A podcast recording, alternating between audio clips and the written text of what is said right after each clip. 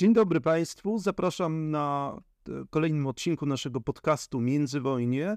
Dzisiaj w takiej dość nietypowej odsłonie. E, gościem naszego kanału jest Szymon Gornowicz, twórca, e, historyk, autor takich podcastów jak Silvarerum czy Dwudziestowieczni. Szymonie, witamy. Witam Cię, Staszku, serdecznie. Witam Twoich widzów. Dzisiaj pomówimy sobie o takim temacie związanym z przyczynami I wojny światowej. Otóż z przyczynami wielkiego konfliktu, który można powiedzieć, że de facto zmienił e, politykę międzynarodową, przetasował geopolitycznie też scenę międzynarodową, e, zmniejszył wpływ starych, wzrastających potęg, a e, wyprowadził na scenę polityczną takie kraje jak USA czy e, Rosja radziecka. E, I będziemy się starali dojść do tego, jakie były konkretne powody, dla, którego, dla których ta wojna wybuchła. To znaczy, dlaczego e, doszło do takiej sytuacji, która w obliczu wzrastającej sytuacji ekonomicznej, ciągle polepszającej się sytuacji ekonomicznej, wzrostu potęg europejskich, doprowadziła w zasadzie do czegoś, co bodajże Andrzej Chwalba nazwał samobójstwem Europy. I e, kiedy będziemy o tym mówić, to dobrze byłoby zacząć od sytuacji, nie od bezpośrednich przyczyn konfliktu, które zazwyczaj są dość dobrze znane i opisane, natomiast od kwestii związanej z przetasowaniem geopolitycznym, do którego doszło już w drugiej połowie XIX wieku, a mianowicie ze zjednoczeniem Niemiec przez Bismarcka. I tu chciałbym się Ciebie zapytać o taki, o ta, tak, poprosić o takie wprowadzenie do tematu. Na wstępie jeszcze e, przytoczyłbym słowa brytyjskiego premiera Benjamina Disraeliego, który zaledwie trzy tygodnie po ogłoszenia, ogłoszeniu Cesarstwa Niemieckiego w sali lustrzanej w Wersalu E, miał powiedzieć przez, przed Izbą Niższą Parlamentu, miał wygłosić takie przemówienie, w którym powiedział, że wojna francusko-pruska dla Niemiec była czymś innym niż wszystkie inne wojny, że była zupełnie czymś innym niż dotychczas toczące się wojny. Była wojną konstytutywną, była wojną, która była w zasadzie formą niemieckiej rewolucji i wykształcenia nowej niemieckiej tożsamości. Czy zgadzasz się z tym? Jak najbardziej, jak najbardziej. Nie zapominajmy, że Anglia prowadziła politykę zagraniczną od setek, wielu setek lat, polegającą na tym, żeby kontynentalną Europę maksymalnie dzielić i wspierać te odcinki y, frontu, czy działań politycznych, czy ekonomicznych różnych krajów, gdzie następowała konsekwencja naturalnej słabości i y, przewaga innego państwa groziła Y, połknięciem, pokonaniem innego, tudzież dla Anglii w konsekwencji oznaczałoby dominację, czy w pewnym momencie Austrii, czy Napoleona, prawda, jeszcze pierwszego Bonaparte w czasach francuskich, więc zawsze w interesie Anglii było divide impera, tak, dziel i rządź, skłócaj maksymalnie, powoduj powstania w pewnych określonych kierunkach działania, żeby odciągać mocarstwa od spraw bieżących w których Anglii wszystkim chodziło. No Anglia dzięki swojej imperialnej strukturze, nieprawdopodobnym bogactwie, niewyobrażalnym, nie, niewiarygodnej możliwości finansowania chociażby wydatków na zbrojenie, na kolonizację, mogła sobie pozwolić na bardzo rozbudowaną agenturę wpływu, agenturę, która pomagała w tworzeniu różnego rodzaju powstań, wspieraniu terrorystów w różnych częściach świata, no bo Imperium Brytyjskie rozciąga się na cały świat, więc praktycznie areną działania dla, całej, dla Anglii właściwie był cały świat. I tak samo w tej sytuacji e, te, to spostrzeżenie jest jak najbardziej trafne. Niemcy zyskują nową tożsamość, powstaje tak zwana druga Rzesza Niemiecka, bo de facto pierwsza Rzesza Niemiecka e, przyjmuje się, że upadła właśnie w czasach napoleońskich, to są lata 1806, 1805-4, kiedy już ostatecznie e, Niemcy przechodzą pod, można powiedzieć, kontrolę napoleońską. I druga Rzesza Niemiecka to jest właśnie 1871, czyli po słynnej wojnie francusko-pruskiej, która faktycznie e, była na rękę Anglii. Trzeba to bardzo mocno zaznaczyć. Mamy bardzo dużo ciekawych zdjęć już z epoki pokazujących na przykład e, notabli angielskich noszących krzyże żelazne z tego okresu. Ja też jestem falerystą i e, mój kanał przede wszystkim na początku zajmował się falerystyką i e, odznaczanie między państwami było zawsze takim e, dowodem zaufania, czy e, spolegliwości, czy dobrych relacji. I jak widziałem, e, był nawet dziennikarz brytyjski, który relacjonował tą wojnę. To był, Brytyjczycy byli też żywo zainteresowani i tudzież wielu lordów, wielu szlachciców właśnie przyznawano im krzyż żelazny, przynajmniej drugiej klasy, który został um, odtworzony, został inaugurowany z okazji właśnie wojny francusko-pruskiej która de facto ostatecznie zunifikowała landy niemieckie państwa miasta w liczbie około, jeżeli to... 34, ale czy go...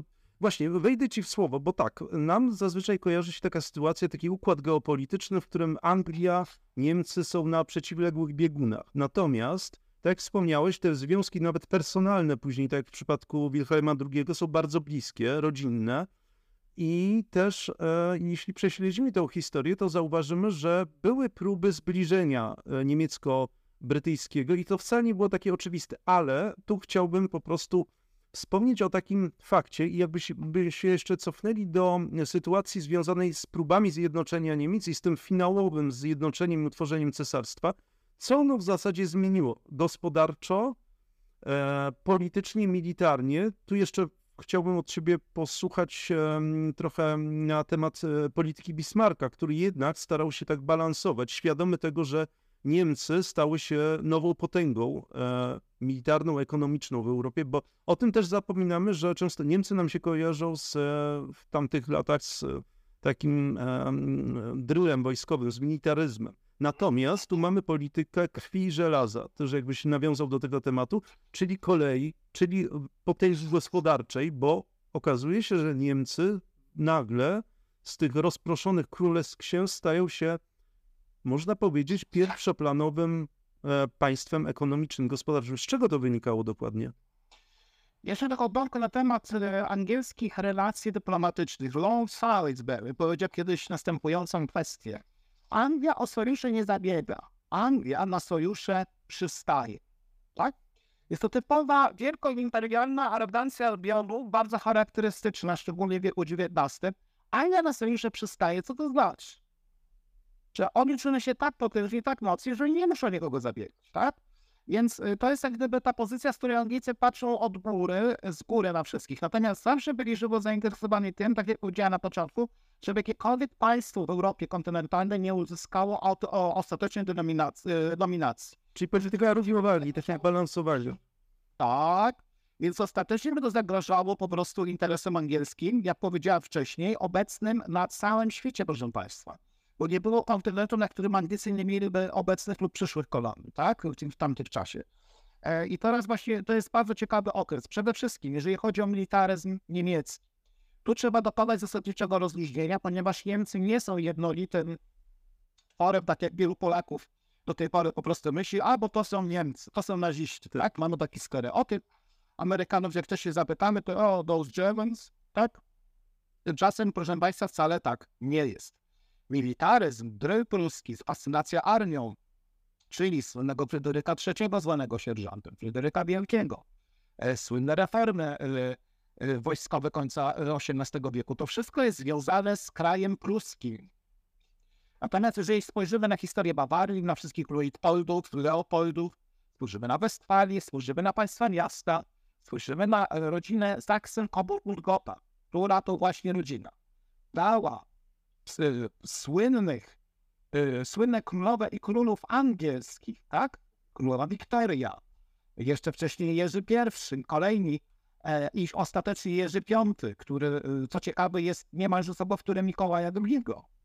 Proszę zestawić sobie, proszę Państwa, Mikołaja Romanowa z Jerzy V, e, a zobaczymy niemalże identyczne podobieństwo. Z kolei Kaiser Wilhelm zwracał się do e, swojego właśnie kuzyna Niki, Feźniki. Dosłownie mamy takie telegramy, które przetrwały, czyli była to rodzina. Nomowie byli y, spokrewnieni, byli kuzynami z y, Zaksy Coburg-Gotha, zwanych później Windsor, co jest nazwą w ogóle kompletnie y, zmyśloną, fałszywą, nieprawdziwą. e, zmyślono tylko i wyłącznie dlatego, że, żeby Anglicy poddani nie, nie, mieli jak podano informację, że to nie jest niemiecka rodzina. To jest niemiecka rodzina. Obecny król Karol III ma niemieckie korzenie, proszę Państwa. E, jedyną Angielką była y, y, księżna Diana, taka taka dygresja, która, zmarła. Tak, naprawdę. Ona była autentycznie angielską, e, angielską e, arystokratką, ty, tylko i wyłącznie ona, jeśli chodzi o rodzinę królewską. I teraz wracając właśnie do tematu. Militaryzm jest charakterystyczny dla kraju pruskiego. Kraj pruski, który zawodem Bismarcka stał się takim spoiwem tego kraju niemieckiego, bo to są dwie różne rzeczy. Niemieckie Deutsch, Deutschland pochodzi od Teutonów, Teutonisze, tak? E, Deutsch, zauważcie, jakby ty i przechodzi w Deutsch, nie? To, to są bardzo ważne rzeczy. Zresztą Niemców wszyscy nazywają inaczej, bo na przykład Francuzi mówią Alemanie, Tak, od Ayamanów. Alemanów, tak? My mamy od, od, od plemion alemańskich, które ich nacierały. My mamy e, anglosaksów Germanów, tak? Nazwa, nazwa rzymska. Z kolei my mówimy Niemcy, To nie- zupełnie inna nazwa. E, To od plemienia Niemirów, tak zwanych. E, Także zauważmy podejście, że ten region, który nazywamy Niemcami umownie, on jest bardzo złożony i Saksończyk mówi innym narzeczem niż właśnie ten Berlińczyk, tak? Wręcz nie mogło się dogadać. Podobno w telewizji niemieckiej są napisy pod spodem po saksońsku, żeby mógł zrozumieć serial, nie, tak naprawdę Niemczy znał e, berlińską. Także tak. Także to nie jest jednolity organizm i e, Bismarck łącząc te organizmy m, też nie miał łatwo. E, Pan wydawał karykaturę z epoki, gdzie trzyma za ręce takie dwa małe, dwójkę małych dzieci płaczących. Jest podpis, już nie pamiętam których landów, pomniejszych, które nie chciały tego przyłączenia. I zaprowadza je jak, jak przedszkolanka do, do jednego przedszkola. No przecież możemy wspomnieć o, o Bawarii, która walczyła jeszcze w czasach wojen napoleońskich po stronie Napoleona. Przeciwko Susom. To świetny Więc- przykład. Tak, Bawaria zupełnie odrębna kulturowo, mentalnie, więc nie ma praktycznie żadnego, oprócz języka, który mniej więcej jest podobny, to, to nie ma jakichś większych związków właśnie z tymi północnymi Niemcami. Tak, hierarchia układa się następująco. Prusy, Bawaria, Westfalia. Znaczy właściwie, przepraszam, Saksonia, Westfalia, no mniej więcej jak Zetwo, ale ta, ta wielkość potencjałów e, militarno-ekonomicznych wygląda tak, że Prusy są największe, Bawaria, te landy saksońskie, bo jest Saksonia Anhalt, Sakrownia Górna, Dolna, ale wliczmy jako całość i Westfalia. To są jak gdyby cztery takie organizmy podstawowe, które tworzą tą nową Rosję niemiecką. Więc warto po prostu brać pod uwagę, że nie jest to jednolity i jednorodny Tak. Jeszcze mamy Śląsk, tak, który też jest inny, który ma jeszcze prowincje polskie przecież, prawda? Mamy, mamy Pomorze Zachodnie, które my nazywamy te Pomorzem Zachodnie. Dla, dla Niemców to jest po prostu tak? Tak. Mamy Ostpreußen, Westpreußen. My Polacy kojarzymy tylko Ostpreußen, bo nie nie w smak nam jest nazywanie Westpreußen jakiego regionu? No Pomorza Gdańskiego. Niemcy nie mówią Pomorze Gdańskie, to jest też nasza nazwa. To było tak zwane Westpreußen, czyli Prusy Królewskie, czyli zobaczmy ile jest tych podziałów, ile jest tych tożsamości, ile jest tych nawet nazewnictw, które są naprawdę różnorodne. Mamy miasto Dessau, bardzo ważne, bo stamtąd wywozi królowa Wiktoria. Bardzo wiele osób myśli, że to jest taki symbol angielskości. Królowa Wiktoria słabo mówiła po angielsku dość. Ja silnym narzeczeń. E, e, także to są takie właśnie kwestie, które z tym się wiążą. Mam nawet zdjęcie, proszę Państwa, gdzie na, na, na, na pogrzebie Jerzego V widać jednego z książąt angielskich idących w niemieckim hełmie, proszę Państwa. Niemieckim ształternie po pierwszej wojnie światowej idzie taki zgarbiony, ale ten hełm po prostu założy. Także nie jest historia jednolita, nie jest jednoznaczna, tak? E, To wszystko gdzieś się przenika. E, Te e, oczywiste relacje miały właśnie służyć czemu? Umocnieniu sojuszy, zapobieżeniu wojny przyszłości. Jak wiemy, no zupełnie inaczej to wyszło. Ale wracając właśnie tutaj do tematu. Tu jest kwestia następująca, że to zwycięstwo, to zwycięstwo nad Francją, który, z perspektywy Napoleona już kolejnego, e, jak gdyby Francuzów oczywiście jednoczenie Niemiec było jak, naj, jak najgorszym pomysłem, tak? Bo dla e, próby jak gdyby Francja miała ciągle taki cel, żeby miała, miała aspiracje cały czas kolonialne, miała już wtedy potężne kolonie, miała potężne wpływy. Naturalną oleją rzeczy, według nie tylko geopolityki, bo to są już sprawy znane, proszę Państwa, z starożytności, że jeżeli imperium ma istnieć, to musi się stale rozwijać. To nigdy nie może być, to nigdy nie ma, nie ma punktu stop, tak? To nigdy nie jest tak, że a teraz możemy spocząć na larach, nic się nie stanie. Nie, bo na arenę będzie ktoś inny i będzie nie wypierał, tak? Tu przypomnijmy jeszcze, że ten pro, proces zjednoczenia był e, trochę dłuższy, bo e, prawda, tu jeszcze było na początku jednoczenie gospodarcze, te wszystkie unie celne, e, później jeszcze były próby demokratyczne, ale nagle otrzymujemy nowy organizm państwowy, który nie jest tylko sumą tych wszystkich części, ale ta suma, to zjednoczenie doprowadza do tego, że nagle jakby ten, ta przewaga każdej z tych części jest zwielokrotniona. No bo co się dzieje? E, e, Niemcy zostają połączone liniami kolei i dochodzimy do kraju, który ma połączenie z morzem, bo do, dochodzimy do kraju, który posiada złoża naturalne i nagle te Niemcy stają się jedną z istotniejszych potęg europejskich w ciągu zaledwie, nie wiem, kilkunastu lat? Tak. To jest właśnie, proszę Państwa, żeby to zaznaczyć, rzeczywiście dobrze że tą kwestię poruszyłeś. Koniec lat 40. pojawienie się kolei żelaznej. Pierwsza linia kolejowa została zbudowana na linii Liverpool-Manchester. Miały sposobność widzieć ją na własne oczy. Rzeczywiście fenomenalne, fenomenalne osiągnięcie anglosasów. Ja jestem do tej pory tego dumni. Chociaż pierwsza linia no, wożąca pasażerów powstała przed pod Paryżem, ale de facto pierwsza linia kolejowa w ogóle powstała w Wielkiej Brytanii. To, I to było osiągnięcie porównywalne Część z Państwa może się śmiać, ale to było osiągnięcie porównywalne z wysłaniem Sputnika w kosmos. Bo to, to, był, to był gigantyczny skok w kwestii transportu, w kwestii y, dokonania ogromnego postępu w dziedzinie przewożenia towarów. Bo co się okazało, że e, kolej jest szybsza od koni, tak? Jeden abor, jeden eszelon przewiezie znacznie więcej niż konie, prawda? Więc wpływało to na handel, a to wpływało na zasobność państwa. Więc y, zaczęły się swoiste wyścigi w Europie. Kto zbuduje więcej, kto zbuduje szybciej, kto będzie miał lepsze połączenie kolejowe. I to właśnie połączenie kolejowe w XIX wieku i jeszcze, y, no można powiedzieć, do połowy XX wieku właściwie były, były absolutnie y, fenomenalnie znaczące, aczkolwiek oczywiście lotnictwo, które jest usprawniane przewyższa to, jeżeli chodzi o szybkość y, dostarczenia tych najważniejszych towarów, ale y, wtedy już lotnictwo nie istniało, więc zenitem cywilizacyjnym, jeżeli chodzi o pracę, była absolutnie kolej. Zobaczmy, nie było jeszcze samochodów, tak? To jest, to jest też ciekawostka, że przecież kolej powstaje przed. Więc nie ma tirów, tak? Tak jak teraz znamy, że możemy transportem prawda, potężnych i gigantycznych ciężarówek przewieźć coś. Była tylko i wyłącznie kolej jako zenit tych możliwości. Więc teraz polegało to na tym, że to zdominuje handel i czyje państwo będzie miało lepszy przepływ towarów, lepszy przepływ surowców. Między innymi takich jak węgiel, bo to właśnie węgiel, dostęp do węgla, obróbka węgla, wydobycie węgla określało też bardzo, bardzo wysoko e, możliwości państwa. I zaczyna się swoisty po prostu wyścig. E, I rzeczywiście Niemcy, Niemcy w swojej specyfice, które przyjęły konstytucję protestancką, które już w wieku XVI odcięły się e, od e, dorobku myśli teologii e, katolickiej, które przemodelowały swój system myślenia, tak? Przemodelowały swoją mentalność. Stworzyły, stworzyły taką swoistą mieszankę cech, które pozwalały zorganizować wysoką kulturę pracy. To jest bardzo istotne, a wysoka kultura pracy oznaczała wielkie owoce cywilizacyjne, tak? Czyli jakie są te owoce cywilizacyjne? Różnego rodzaju produkty, różnego rodzaju techniki i technologie, które pozwalają zbudować zorganizowany, lepszy świat.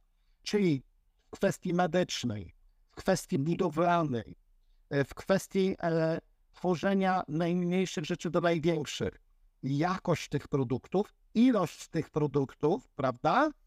Wejdę słowo. E, przypomnę o tym, że, że Niemcy były słynne wtedy, e, ówcześnie z e, produktów dość tanich, ale o dość przyzwoitej czy wysokiej jakości. I e, nawet parlament brytyjski w pewnym momencie, w, w połowie XIX czy w drugiej połowie XIX wieku, wprowadził taki obowiązkowy stempel Made in Germany. On miał oznaczać to, że miał być pewnego rodzaju ostrzeżeniem, że kupuje się towar tańszy. Natomiast, co ciekawe, to, to ostrzeżenie działało w zupełnie odwrotną stronę. To znaczy ludzie wręcz wybierali te produkty, ponieważ byli przekonani o ich wysokiej jakości, no i oczywiście o niskiej cenie. Czyli można powiedzieć, że mm, trochę był to odpowiednik e, tego, co dzisiaj mamy w związku z tym z Made in China, z tym, że Made in China zazwyczaj do tej pory kojarzył nam się z produktami o niskiej jakości, natomiast w przypadku niemieckich była to jakość wysoka.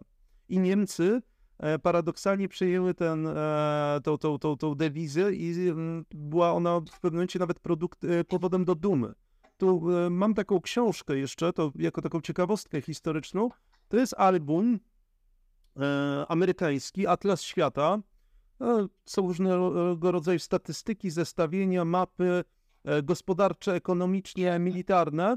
To jest rok wydania 1800 94, ale dane są do 1890 z danych statystycznych. A będziecie Państwo mogli to zobaczyć na, na zdjęciach załączonych, natomiast mamy tutaj e, takie statystyki, które pokazują, nie wiem czy to, to widać dobrze, ale później załączę, chodzi o wydatki i przychody, i eksport, import.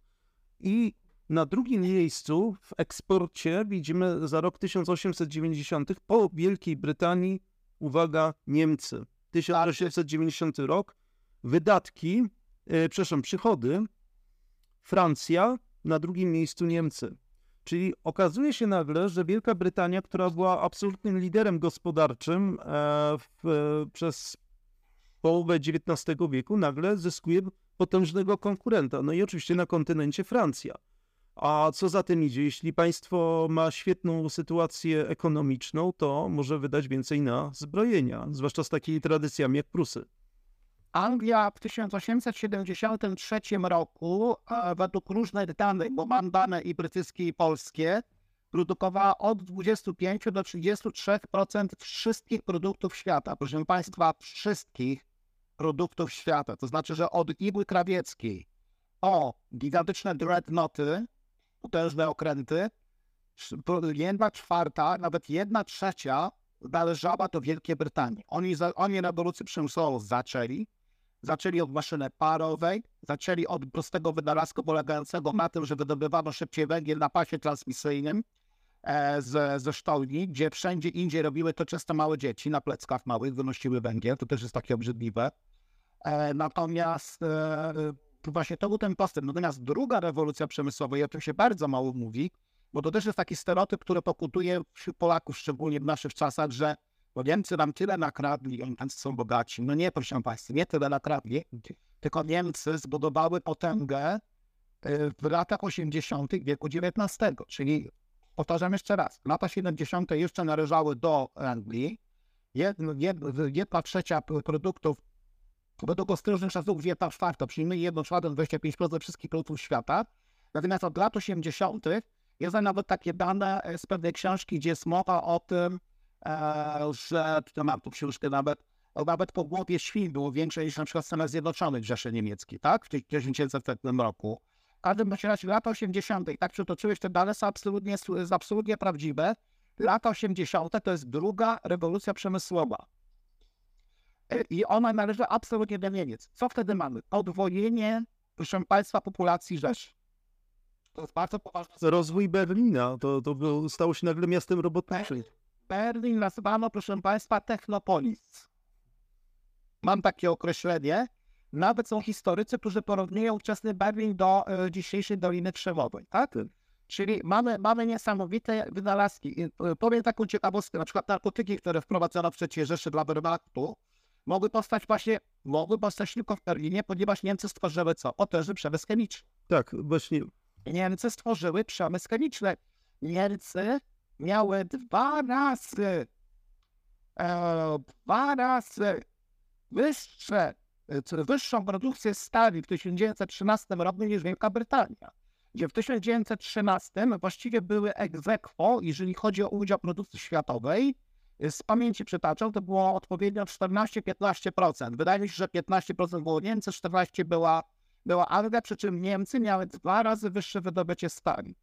Także też sobie do tego potem przyjdziemy, bo to są jedna z przyczyn wybuchu I wojny światowej. To był swoisty wyścig technologiczny. Niemcy miały osiągnięcia, proszę Państwa, we wszystkich dziedzinach naukowych. Stworzyły nawet psychologię, socjologię, akurat socjologię studiowałem, więc nie jak gdyby nauki społeczne są bardzo bliskie. Ale chemia i fizyka to, to fizyka zwłaszcza, to, to przede wszystkim Niemcy. Cała, cała pierwsza połowa XX wieku to, to Niemcy. Całkowicie, więc to nie jest tak jak ten stereotyp, bo tyle nakradli, to oni teraz mają. To jest straszny stereotyp, ja tego strasznie nienawidzę, bo Niemcy naprawdę sobie same stworzyły świat, do którego... Zre- Zresztą to jest bardzo ciekawa sytuacja, która na przykład, e, bo mówimy o II wojnie, że tak po II wojnie tak błyskawicznie się odbudowali, ale jeśli spojrzymy na sytuację po I wojnie, kiedy przechodzą straszliwy kryzys gospodarczy i w zasadzie błyskawicznie w ciągu kilku lat po reformach Stresemana odzyskują dominację w Europie. To nie jest tak, że przyszedł Hitler i on po prostu nagle odbudował gospodarkę. Nie, po prostu te Niemcy automatycznie, korzystając z tych wszystkich zasobów naukowych, technologicznych, potrafiły się przy zastrzyku po prostu pieniędzy rzeczywiście z pożyczek amerykańskich odbudować. Staszku, e, drodzy widzowie, ja, przy, ja, ja wspomnę tylko o pewnym nawet propagandowym ujęciu, bo wbrew pozorom w propagandzie też można się pewnie prawdę dowiedzieć. To nie jest tak, że propaganda głosi tylko kłamstwa, tylko trzeba umieć je wyłapać. Ja znam osobiście, który taki fragment e, propagandy Goebbelsa, który oglądałem wiele, wiele, wiele lat temu. I on pokazuje taką animację, że są, y, stoją kominy, są, nie, nie, nie dymią. I jest pokazana ręka ze swastyką nazistowska, tak, która wciska przycisk i ko- kominy zaczynają dymieć. I co, co, mówi ten prosty przekaz y, animacyjny, tak? Że partia narodowo-socjalistyczna była tylko ręką, która wcisnęła przycisk, tak? Więc to, więc to nie jest tak, oni, bo musicie Państwo zrozumieć jedną rzecz. To były, to były herezje socjalistyczne, dlatego też sobie kiedyś o tym sobie opowiadamy. Oni wierzyli w to, że ludzie są realną siłą do tworzenia potęgi państwa, nie pieniądz. E, I i tam notowano właśnie wyraz, że my nic nie zrobiliśmy, my tylko włączyliśmy mechanizm, a wy daliście odpowiednią siłę. Bo to jest pewien napęd, który daje się gdyby ludziom, prawda? I, i to, było, to była teza, którą też Marx właśnie w XIX wieku głosił, to też się właśnie tutaj przenika z tym, o czym mówimy, bo Fryderyk Engels i Karol Marx bardzo uważnie śledzili wydarzenia, e, wieszczyli i łudzili się i marzyli o wielkiej rewolucji proletariatu, która tak naprawdę nigdy nie nastąpiła, bo to, co mówi propaganda bolszewicka, to nie jest żadna rewolucja oddolna, o to sobie też kiedyś porozmawiamy, nie teraz na to czas, ale też sobie powiemy o przyczynach I wojny światowej, o Fryderyk Engels. Mam pewien cytat, który zaskoczy bardzo wielu e, naszych widzów. Cytat, który był bardziej przenikliwy niż analizy dziesiątek profesorów geopolityków e, z epoki. E, To jest bardzo interesujące. Natomiast właśnie wracając do tego rozwoju Niemiec. Niemcy stworzyły przemysł chemiczny, Niemcy opracowały technologie metalurgiczne, tak zwany iMetal, słynna spółka, stocznia Blomun Voss. Można wymieniać nieskończoność, Bayerische Motorwerke, Mercedes, Audi, Alfred Opel. To wszystko będą wielkie wykwity niemieckiej technologii. Ferdynand Porsche, proszę Państwa, który przecież my znamy, Ym, Ja pracuję w hotelarstwie, większość moich klientów przyjeżdża Porsche, tak? I to mnie zawsze tak śmieszy, jak patrzę na to logo Porsche i tam widzę e, trzy poroża, tak? To jest, to jest e, godło westfalskie, tak? E, więc cały czas mamy tutaj niemieckość. Godło BMW, proszę zwrócić uwagę, mamy znaczki niebiesko-białe. No co to jest niebiesko-białe? No to jest flaga bawarska, tak? Słynna szachownica bawarska.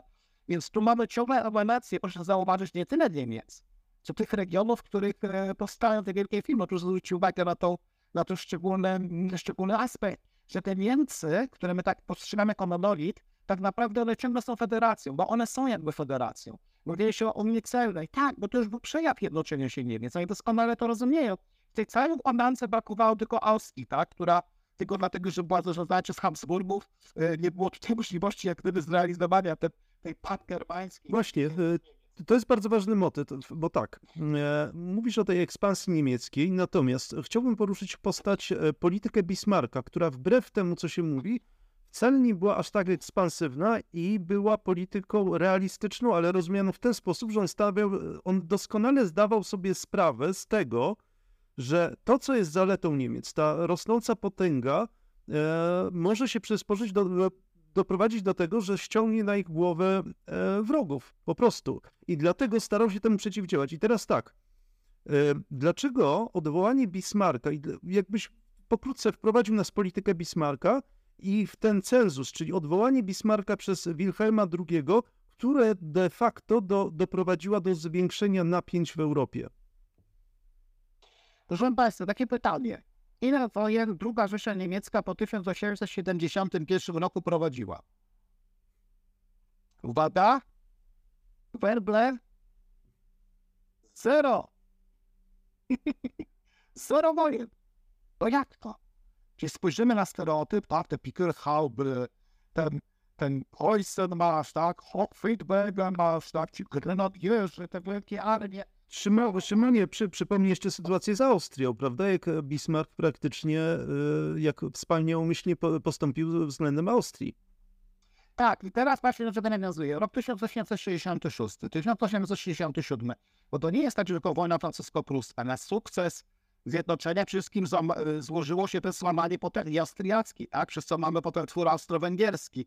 Z czego on powstaje? No z słabości politycznej. Po prostu musiano ująć y, Isaac Richard Kennedy, tak? Czyli już powstaje taki dziwny twór królewsko-cesarski, y, który jest taką lekką ambiwalencją, aberracją w ogóle polityczną, ale on powstaje po to, żeby ocalić się od gdybysta posiadania Habsburgów. I on powstaje na skutek wojny austriacko-niemieckiej, złamanie tej potęgi.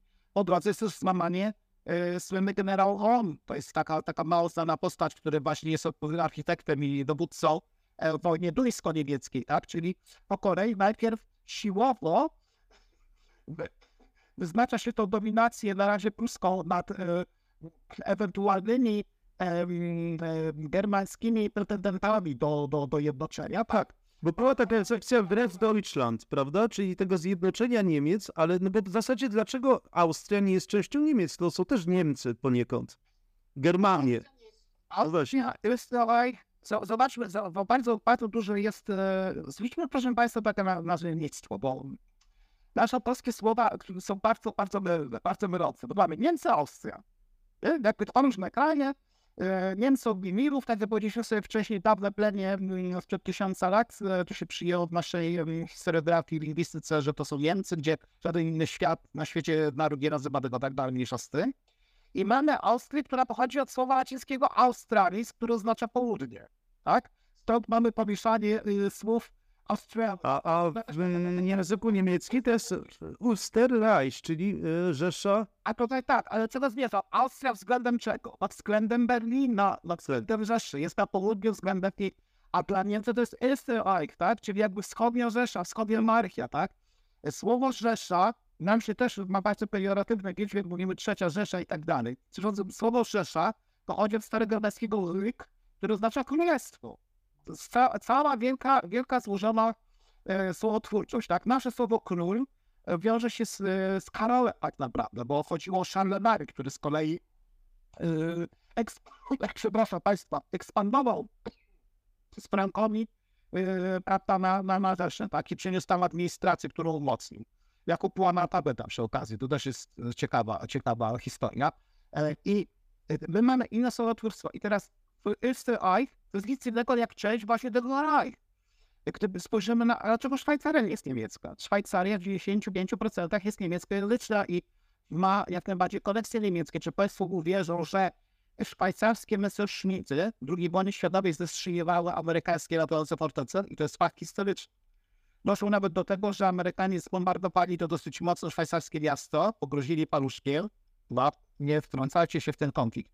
Autentycznie szwajcarskie Messerschmitty 109 strzelały do amerykańskich obowiązujących fortec. I to był właśnie przejaw, dlaczego o tym mówię, bo to jest przejaw tej niemieckości, tak? I dlaczego Austria nie była niemiecka? Bo jedynym powodem, dla którego nie była niemiecka, był ród Habsburgów. To był ich stan posiadania, to był suweren i to, że byli Habsburgowie, dedykowało, czy wręcz oddzielało sztucznie Austrię od całej po prostu Rzeszy. E, Proszę Państwa, jedyny prawdziwy męczennik niemiecki, jak Państwo myślą, to jest pytanie, zagadka, e, który walczył z nazizmem. Prawdziwy, autentyczny Niemiec, który stracił życie całkowicie przeciwny nazistom. Uwaga, Engelbert Dollfuss, Ja, ja, się słyszy. który dostał strzał z pistoletu z odległości 15 cm od Osmana. To był męczennik. To był męczennik. Dla Austrii to powinien być bohater narodowy, bo ten człowiek autentycznie chciał niezależnej Austrii e, i został w biały dzień zastrzelony jak pies po prostu e, przez SS-mana.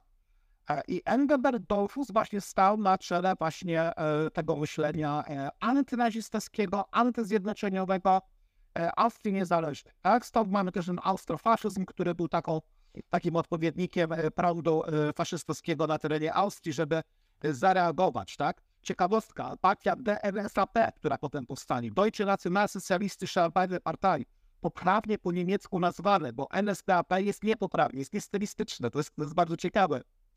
Hitler w swoim nieuctwie po prostu nazwał to NSDAP, a poprawnie po niemiecku, no nie ma na przykład Polska Socjalistyczna e, pa, e, Partia, tak? Mówimy Polska Partia Socjalistyczna, prawda?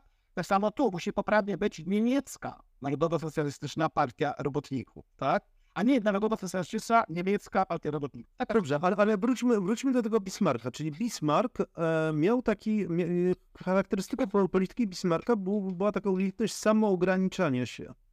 I tu e, ona wychodzi też, e, były też próby z jego, jego strony, e, słane, zarówno pod względem Rosji, pojednanie czy takie ustanowienie jakichś traktatów reasekuracyjnych z Rosją, ale też próba kiedy Niemcy próbowały e, angażować się w przedsięwzięcia kolonialne, to była próba też e, zjednania sobie i wyrównania, e, zapobieżenia konfliktom z Francją i z Wielką Brytanią.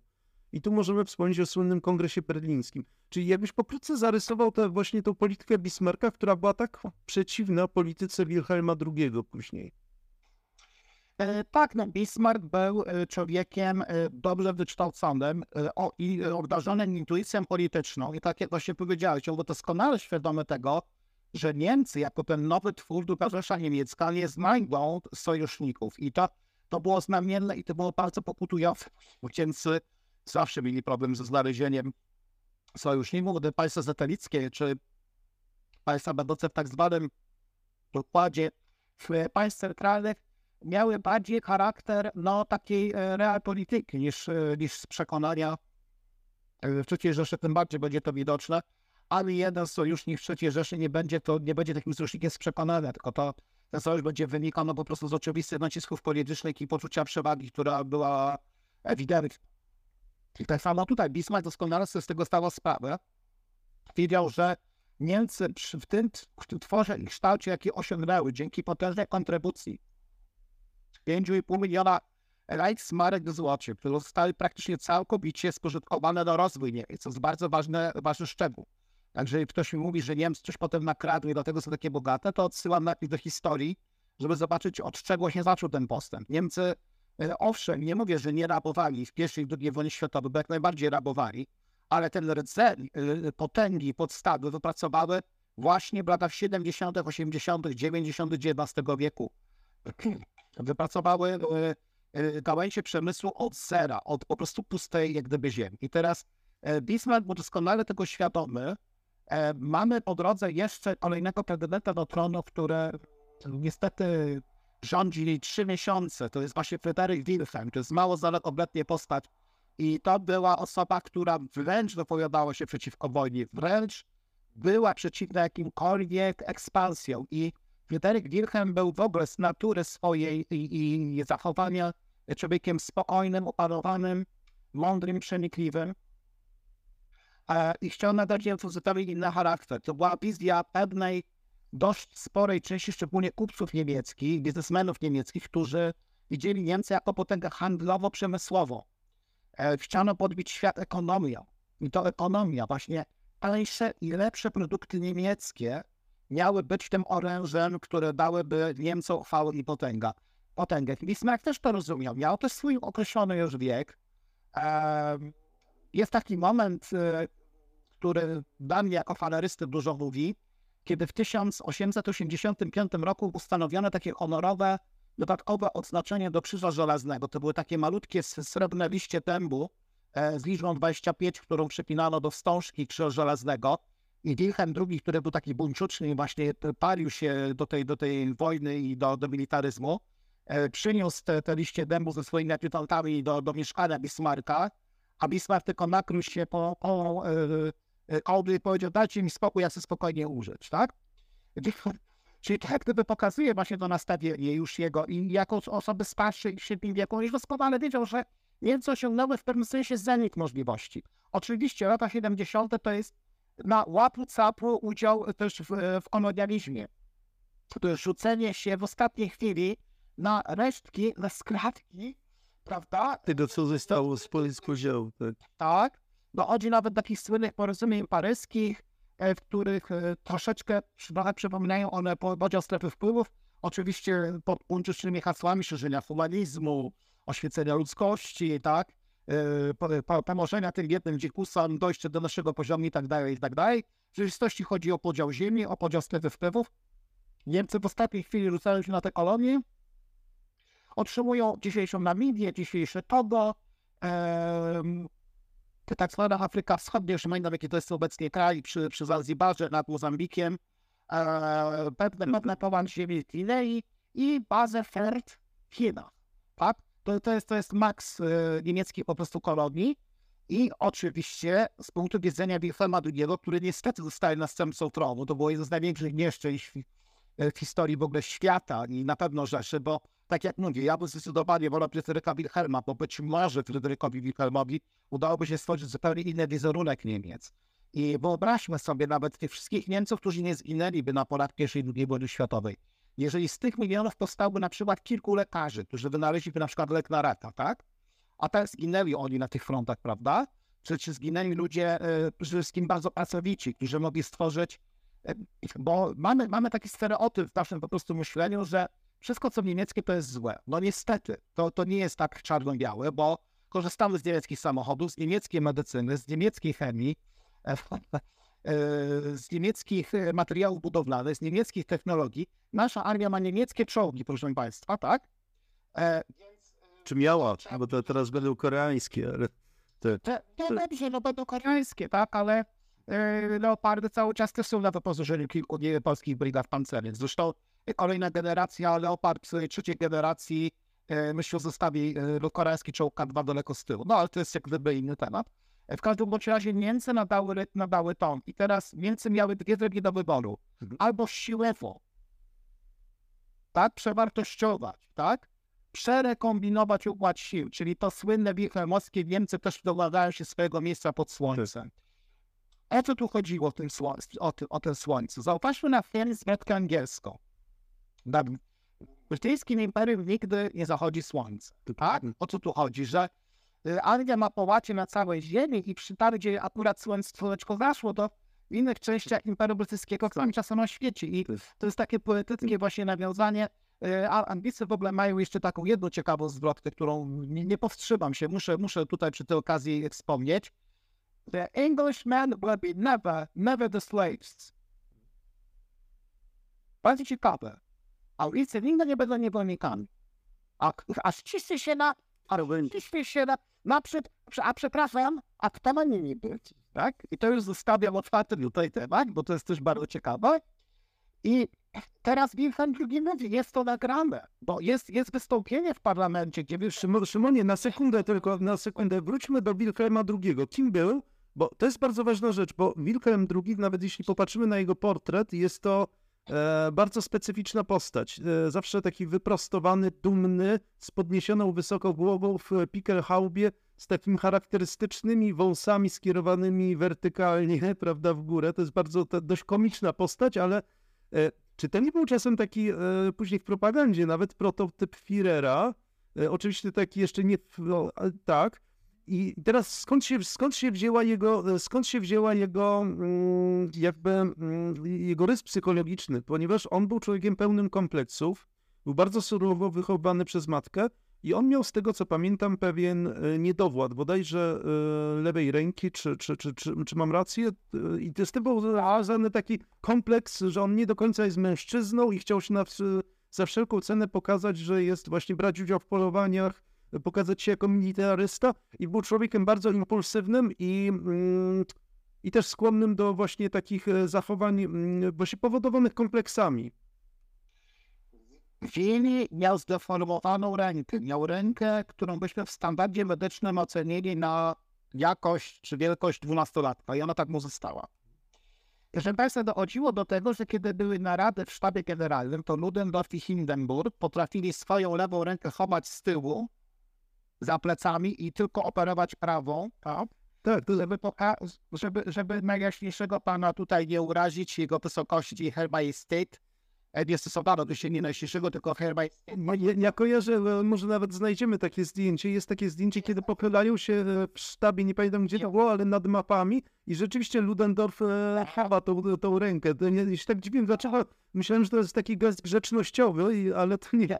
nie, nie. Okej. To nie jest grzecznościowe, to nie jest grzecznościowe, to jest właśnie wyraz jak gdyby e, pokazania tego, jakim jest głupi co posiadają, że ten atrybut ręki po prostu w ich wypadku istnieje, a w jego wypadku nie. Polecam Państwu, bo e, mój kanał Silverwatch propaguje kulturę, a też kinematografię. Świetny film z Bogusławem Lindą, e, Magnet.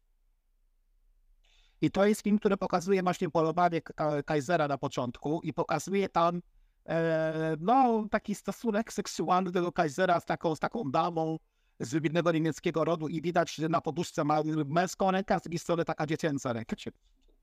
Taka- Taki, taki, taki, taki przerywiek ten kinematograficzny. Także tak, tutaj ten komiat istnieje. Co ciekawe, Stali też miał zdeformowaną rękę. To jest taka ciekawostka. E, bardzo często u chłopców e, występują pewne określone deformacje, czy niedowłady, czy braki.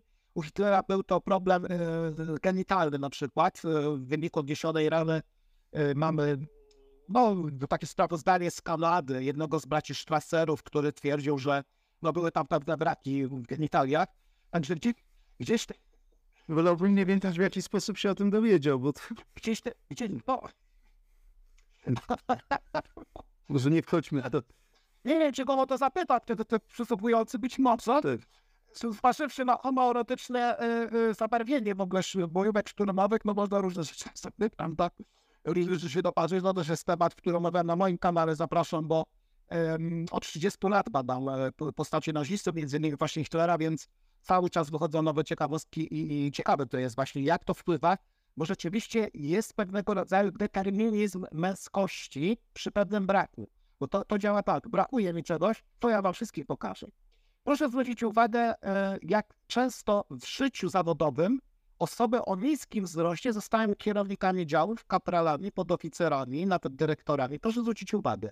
I każdy z Państwa przewinie sobie taśmę wstecz w tych wszystkich filmach, w którym był i zobaczy, jaka jest średnia wzrostu e, nawet e, dosłownie kierowników, dyrektorów działów, a, a pracowników. To jest bardzo znamienne. I tak samo w wojsku. Szpaner z spanów, piękni, wysocy mężczyźni. I zawsze obok są podoficerowie. I to zawsze No i zawsze jest ten... e, Albo, albo odbieraj e, ich, ich defiladę Himmler, który jest okularnikiem, człowiekiem wątłej postu- postury, absolutnie nie, nie, nie spełnia tych warunków, jakie postawił. Ale wracając do Wilhelma, czyli tak, ma, mamy, mamy człowieka niezwykle ambitnego, e, przeżartego kompleksami i mamy kanclerza Otto von Bismarcka, który był postacią autentycznie wybitną. I co z tego może wyniknąć? Może wyniknąć oczywiście konflikt. Oczywiście. I jedna z pierwszych decyzji to odwołanie Bismarcka. Oczywiście, że tak, no bo tu, tu mamy kompletnie inne spojrzenie, bo to jest, tak jak powiedziałem w pewnym momencie, obie osoby mają, widzą ten sam świetny mechanizm, a ten mechanizm nazywa się Rzesza Niemiecka i teraz w zasadzie mamy dwie drogi, albo pokojowe, ekonomiczne wykorzystanie potencjału i wolne, wolne dążenie do stworzenia potęgi ekonomicznej, zdominowania świata swoimi produktami, swoją pracą, albo pokusa gwałtownego, siłowego zajmowania kolejnych państw, yy, okupowania, atakowania, wstrzymania wojen, yy, różnych ruchawek. I to po śmierci Bismarcka właśnie będzie robił yy, Wilhelm, żeby wspomnieć właśnie tylko sytuację yy, z yy, krążownikiem pomocniczym Pantera w okolicach Maroka, tak? Gdzie jest próba, a może się uda w tym Maroku po prostu wykorzystać te, te niepokoje, tą ruchawkę i być może nawet zająć to Maroko. To były, to były właśnie typowe działania wilhelmowskie, świadczące o jego takim agresywnym, takim zaczepnym e, charakterze. Gdyby Bismarck wtedy żył, bo wtedy państwo. Właśnie To jest bardzo ład, która by to równoważyła, bo tak jak powiedziałem, o 1871 roku Rzesza Niemiecka nie uczestniczyła w żadnym konflikcie na świecie. I to był paradoks, który trzeba pamiętać, bo też przez to Rzesza stworzyła najlepsze kadry podoficerskie i oficerskie na świecie. Tak? Bo one nie ginęły. One przez te 40 lat ciągle się szkoliły i też powstanie armia, która, która praktycznie no, przewyższa wszystko i wszystkich. I teraz tak, y, ma, mamy sytuację związaną odwołanie Bismarcka, 1890 rok, y, panowie się nie dogadują, Bismarck zostaje odwołany i y, to jest sytuacja na tyle znacząca, że nawet prasa światowa, mamy nawet takie rysunki satyryczne w prasie brytyjskiej, schodzącego męża sternika.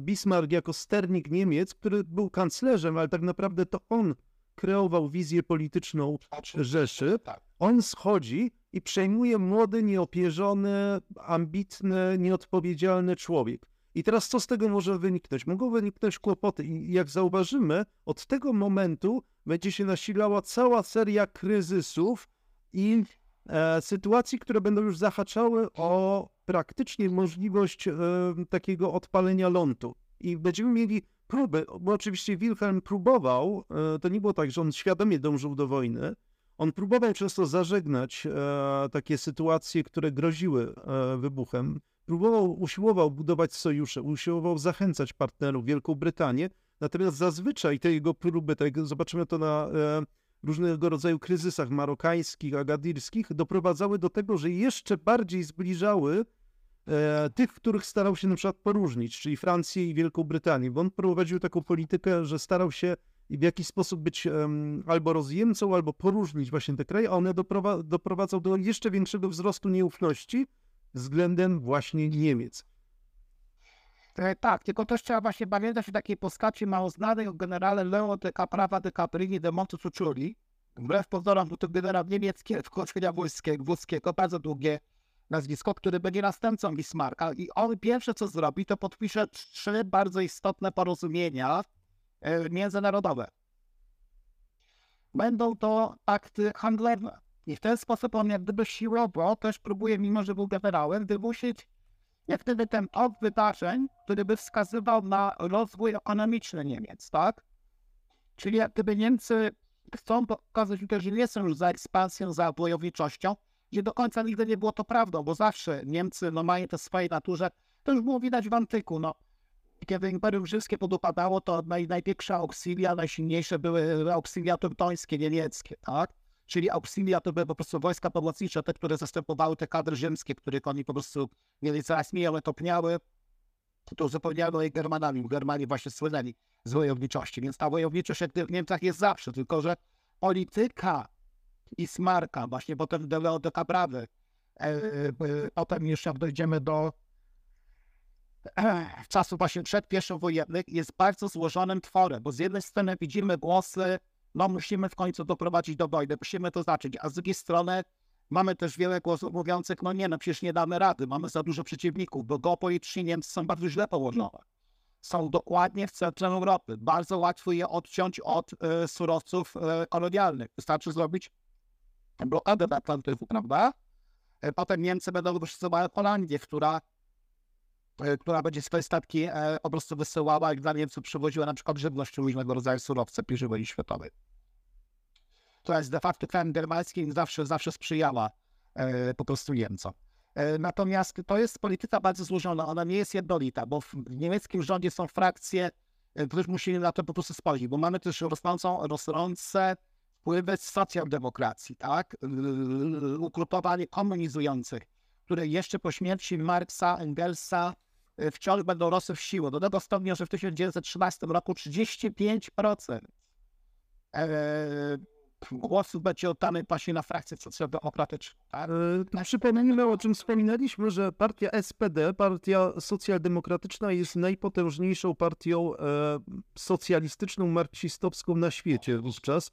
E, odnosi niebywałe sukcesy. Tu można jeszcze wspomnieć o polityce Bismarcka, który starał się też balansować i też e, uciec do przodu, czyli zapobiegając potencjalnej rewolucji czy niezadowoleniu społecznemu, wprowadził reformy socjalne. To były takie ucieczki do przodu. Ale tak, zamykając ten, o, tą część naszej dyskusji po, poświęconą właśnie temu preludium do I wojny światowej, to myślę, że podsumowalibyśmy tym, że doszło do wielkiego pęknięcia geopolitycznego, czyli narodził się nowy organizm państwowy, Rzesza Niemiecka, która po prostu z dnia na dzień, może przesadzam, ale e, bardzo szybko, tak, w ciągu roku stała się poważnym rywalem i zakłóciła ten cały balans, ponieważ od po czasów napoleońskich, po napoleońskim istniał taki, e, po kongresie wiedeńskim, istniała taka równowaga, cały czas była strzeżona równowaga, wybuchały drobne konflikty, ale nie można tego przyrównać w żaden sposób do tego. mm, Zresztą mamy sytuację analogiczną. Wzrost potęgi Chin współcześnie. Do czego on może doprowadzić? Też grozi wybuchem wojny, ponieważ no, nie może być tak po prostu, że jakieś imperium rezygnuje pokojowo ze swojej przewodniej roli. I ta, taką sytuację mieliśmy w przypadku Niemiec. I teraz schodzi ze sceny człowiek Bismarck, człowiek, który był e, postacią niezwykle odpowiedzialną, ambitną, ale zarazem e, świadomą swojej polityki. Wchodzi osoba, która jest e, podatna na manipulacje emocjonalne, wybuchowa, e, która nie ma dobrych doradców, a jeśli ma doradców, to są doradcy wojskowi i która odziedziczyła w spadku tą całą świetnie naoliwioną maszynę gospodarczo-wojenną, czyli ma możliwości i zaczyna się wyścig zbrojny. O tym pomówimy sobie właśnie w drugiej części naszego e, dzisiejszego spotkania. Zapraszam wszystkich jeszcze raz do oglądania kanału Silbarerum, właśnie naszego dzisiejszego gościa Szymona Gornowicza, któremu bardzo dziękujemy za, za wystąpienie. Bardzo ciekawy, ciekawa prezentacja. E, Kanał Dwudziestowieczni, który właśnie też porusza te tematy związane z, e, no, z historią XX wieku, z nazizmem, komunizmem. Z, e, to też mamy nagranie poświęcone I wojnie światowej. I oczywiście zapraszamy też na kanał Międzywojnie. Dziękujemy Państwu, zapraszamy do drugiej części. Pozdrawiam. Dziękuję Państwu bardzo. Do widzenia.